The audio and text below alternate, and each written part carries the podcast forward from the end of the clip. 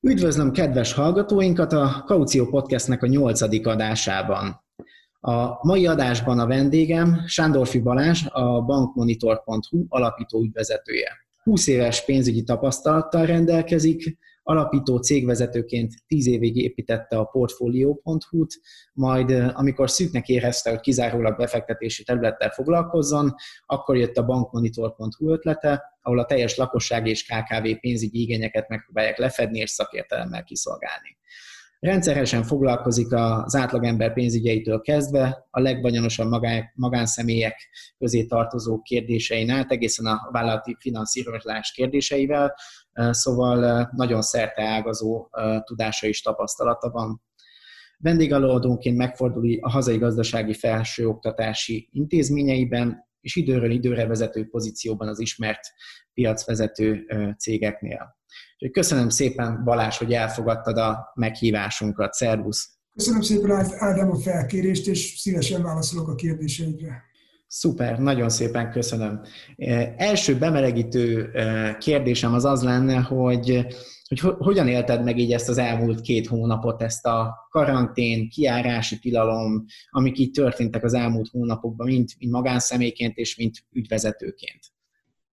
Őszinte leszek, rettenetesen rosszul. Nyilvánvalóan ez egy új típusú élmény, tapasztalás mindenki számára. Én megmondom őszintén, hogy nagyon nehezen éltem meg, de a szabályokat azért betartottuk. Sőt, olyan szinten, hogy a cégünknél még a kijárási korlátozás előtt már önkéntes, majd kötelező home office-t bevezettünk, tehát szükségszerűnek tartottam ezeket a lépéseket, de annak ellenére nagyon nehéz volt, nagyon nehéz volt, volt megélni, hogy teljesen átalakul az élet. Azt gondolom, hogy ez mindannyiunk számára egy, egy, egy teljesen új környezetet hozott, ami új kihívásokkal rendelkezett. Természetesen átalakult az élet, de azért várjuk, hogy visszatérjen majd a normál kerékvágásba. Abszolút, legyen, legyen így minél hamarabb, ez a teljes mértékben egyetértek. Hogy látod most így, így most már lassan ugye kezdik feloldani a korlátozásokat,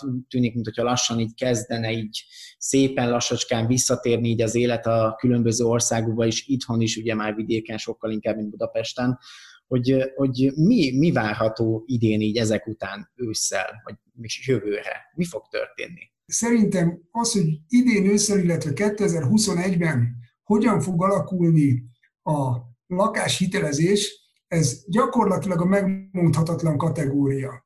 Természetesen próbálok majd adni kézzelfogható inputokat is, információkat is, de azért nézzük meg, hogy honnan indulunk. Tehát alapvetően a hitelezést az befolyásolja, hogy az éppen éppen a közeljövő gazdasági helyzetét hogyan ítélik meg a bankok. Mennyire fogja tudni visszafizetni a felvett hitelt a hiteligénylő, a felvett hitelt a magánszemély. Lesz-e munkája? Milyen munkabére lesz? Csökkentett munkabére vagy normál munkabére lesz?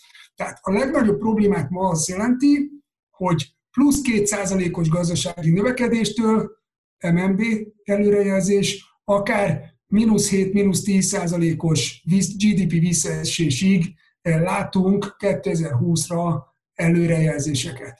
Mindez jól jelképezi azt, hogy brutálisan nagy a bizonytalanság. És emögött a bizonytalanság mögött ott van, hogy nem meghatározható az, hogy az egyes szektorokban mi fog történni, kinek lesz munkája, kinek nem lesz munkája, és milyen, milyen, milyen béren, milyen bért fog keresni a, a munkavállaló. Tehát nagyon-nagyon nehéz a hitel visszafizetésének az alapjait meg, de meghatározni. És akkor egy picit azért megpróbálok amellett, hogy azt mondom, hogy nem tudok érdemben válaszolni, amellett azért vannak megfogható dolgok. Bontsuk szakaszokra az előttünk álló időt. Az első szakasz, az gyakorlatilag odáig, következő szakasz odáig fog tartani, ahol, eh, ahol nagyjából már körvonalazódik a válságnak, mikor, mikor érjük el a mélypontját, Én azt gondolom, hogy körülbelül két, két hónapon belül ezt, ezt, ezt nagyságrendileg feltételezhetően jól fogjuk látni, ha csak az egészségügyi kockázatok, azaz a, azaz a járványterjedés az nem költ valamilyen újabb formációt és váratlan fordulatot. Tehát körülbelül két hónapon belül a mélypont jól becsülhető lesz. Ezt követően én azt gondolom, hogy három-négy hónapon, öt hónapon belül az is meghatározható lesz, hogy hogyan fog a gazdaság visszaépülni. Ez egy V betű alakzatot ölt, tehát viszonylag dinamikus lesz a felfelé emelkedő szár is, vagy egy picit laposabb emelkedésre lehet számítani. Amint ide elérünk, tehát az első szakaszban, a következő két hónapban én azt gondolom, hogy még a sokkal erősebb tapogatózás jellemzi majd a hitelezési piacot, mert nehezebben becsülhető, majd ezt követően, ahogy elkezd tisztulni a kép, és a követke, azt követő négy-öt hónapos időtávon belül pedig már körvonalazódik az, hogy hogyan fogunk kijönni gazdaságilag a válságból, akkor fognak enyhíteni a bankok, és akkor lesz jobban látható, hogy milyen hitelezés alakul ki 2021-ben. Értem. Értem. Ez, ez izgalmasan hangzik, hogy, hogy akkor most még két hónap ilyen csendesebb, vagy ilyen kivárásos időszak vár még ezután és akkor látszódik. Jó, akkor így kicsit konkrétabb kérdést próbálok meg, aztán kíváncsi vagyok, hogy mit gondolsz erről. Ugye, ami, ami kérdést itt kapok a, az ingatlan tulajdonosoktól, vagy lakástulajdonosoktól, hogy, hogy egyrészt most talán ugye mindenki arra vár, hogy lemennek így az ingatlan árak, és hogyha esetleg lemennek, akkor ugye hitelre, akkor most érdemesebb így ingatlant venni. Te mit gondolsz erről, hogy hogyan alakul így a, a, a, a lakáshitelezés? Érdemes idén lakást venni így hitelre?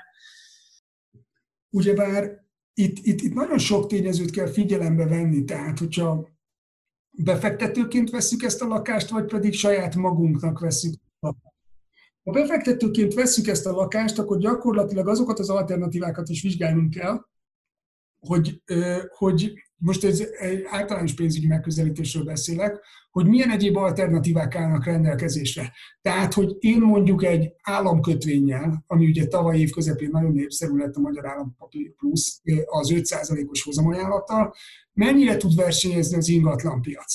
Én azt azt gondolom, hogy egy ilyen környezetben, ahol most vagyunk, pont az említett bizonytalanság, pont amiatt, mert egy, egy teljes Airbnb üzleti modell mondjuk legalábbis egy időre megremegett, és bizonytalanságot okozott, lehet hallani arról, hogy piacra kerülnek jó ár, jobb áron ingatlanok. Azok számára, akik úgy gondolják, hogy a, a, a gazdasági fellendülés az egy ilyen V alakú formációt fog ölteni, azaz, a, azaz azt gondoljuk, hogy, hogy, hogy gyorsan vissza fog épülni a gazdaság, azok számára azt gondolom, hogy, hogy, hogy érdemleges lehet egy jó áron elérhető ingatlannal, ingatlanba beszállni, amennyiben van rá egy hasznosítási koncepciójuk. És ebben az esetben én az, hogy hitelből tegye ezt meg, azért hitel oldalról elmondanám, hogy, hogy nagyon-nagyon érdekesen alakul a, a piac, mert a hosszú távon rögzített kamatozású jelzálók hitelek, lakáshiteleknek a, a, a kamatozása alig-alig változott. Minimális a, minimális a változás, gyakorlatilag a válság előtti szinten elérhetők a, a, a, a lakáshitelek. Tehát, hogyha egy picit visszatekerjük az időt 4-5 hónappal az év elejére, akkor azt látjuk, hogy, azt látjuk, hogy akkor magasabbak voltak az árak, de, de, de a kamatszint az ugyanitt volt. Tehát most, most, most tudunk találni jobb vételeket, és szintén történelmileg mélyponton lévő kamatszinten tudunk lakáshitelhez jutni, és ha valaki nagyon ügyes, akkor én azt gondolom, hogy hosszú távra rögzített lakáshitel kamatot az inflációt minimálisan meghaladó kamatszinten meg tud fogni. Mindebből az következik, hogyha valaki jól tud ingatlant kiválasztani, jó áron éri el, annak és megfelelő hitel minősítéssel rendelkezhet a bankoknál, akkor egy jó hitelt fog hozzá kapni, azaz összeállhat mindazon elem, ami miatt ő beléphet a piacra és, és, és tud vásárolni. Ez nagyon biztatóan hangzik, legalábbis igen, akinek jó a, a hitelbírálata, tehát akkor ebbe, ebbe van lehetőség. Én azért azt gondolom, hogy azt is fontos tenni, szerintem tegyük azt is tisztába, hogy van, jelenleg is van hitelezés a bankoknál. Ugyan azt mondom, hogy borzasztóan nagy a bizonytalanság a jövőt illetően, ezért szigorúbban hiteleznek a bankok, de ma is lehet lakáshitelt felvenni. És akkor megnézhetjük azt is, hogy miben szigorítottak a bankok, mennyivel lett nehezebb most, mennyivel lett nehezebb most lakáshitelt felvenni, mint az év elején. Ugyebár egyértelműen azt lehet elmondani, hogy, hogy azok, akik az úgynevezett legjobban érintett, válság által legjobban érintett szektorokban dolgoznak, vendéglátás, vendéglátás, szálláshely, turizmus, akár van egyébként repülőgép pilóta ügyfelünk, aki szintén hát hihetetlen sokat keresnek a repülőgép pilóták. De amellett a, az extra fizetés mellett is ma repülőgép pilótaként felvenni hitelt nem egy egyszerű dolog. Tehát, hogyha ha a, legjobban veszélyeztetett szektorokban dolgozók vannak a legnehezebb helyzetben, de esetükben sem feltétlenül lehetetlen a hitelfelvétel, ha igazolni tudják a bank, bank számára azt, hogy az ő, például ha valaki vendéglátásban dolgozik, és mondjuk online ételkiszállítással foglalkozó cége van, akkor az éppen felfutásban van. Tehát, hogyha meg tudjuk magyarázni, és be tudjuk mutatni, hogy miért nem fog megszűnni a jövedelmünk, miért tudjuk majd biztosítani a hitel visszafizetést, akkor igenis el tudjuk érni a hitelt. Tehát, és ugye akkor nézzük meg a, az egyéb, egyéb kondíciókat, tehát, hogy az nagyon fontos, hogy, hogy ma Ugye átalakult ez az ingatlanpiac, már csökkentek az ingatlanárak, és alapvetően az is jellemző, hogy pontosan emiatt, ugye korábban a bankok az ingatlan piaci értékének 80%-áig adtak hitelt, Ma sokkal jellemzőbb az, hogy mondjuk Budapesten is inkább 70%-ig mennek el. Inkább 70%, tehát korábbi 80-as határ az inkább 70, de egyébként, hogyha akár hogy, hogy az ingatlan értékbecslés is már, mint amit a bank elfogad értékként, ott is konzervatívabbak lettek a megközelítések. Tehát, hogyha én veszek ma 50 millió forintért egy, egy lakást, akkor ez bőven előfordulhat, hogy 42 millióra fogja értékelni a bank. És a bank 42 millióra értékeli, és annak veszi a 70%-át, akkor ugyebár ez minimálisan 28 millió, minimálisan 28 millió forint fölött, fölött, fölött vagyok, ami ugye már alig több, mint 50%-a a teljes vételárnak. Tehát itt van egy, ilyen, van, egy ilyen, van egy ilyen korlát is, és természetesen, ha a bank szigorít, akkor ugye a jövedelemhez képest is, tehát hogyha nekem van egy igazolt jövedelmem, has, hasraütésszerűen 550 ezer forint, akkor lehet, hogy korábban 200, ennek a feléig 275 ezer forintig engedte elmenni a törlesztőmet a bank. Ma vélhetően nem fognak idáig elengedni, csak mondjuk 210-220 ezer forint környékére. E, tehát összefoglalva, szigorodott a banki hitelezés, de nem lehetetlen hitelt felvenni azok számára, akik tudják, fel tudják mutatni, hogy ki tudják fizetni a, a, a, a hitel, hitelüket, és még egy fontos jelenségre hívnám fel a figyelmet, az, hogy a bankok közötti különbségek megnőttek. Tehát sokkal gyakrabban fordul elő ma, hogy A banknál ugyanaz a hiteligénylő nem kap hitelt, míg B banktól megkapja a hitelt. Hm, ez érdekes. És mi ennek az oka, hogy ekkora eltérések vannak egyébként így a bankoknál, vagy a legfőbb oka az, hogy egy, a modern történelemben még nem látott gazdasági válságot élünk meg, aminek ugye egy ilyen járvány háttere van.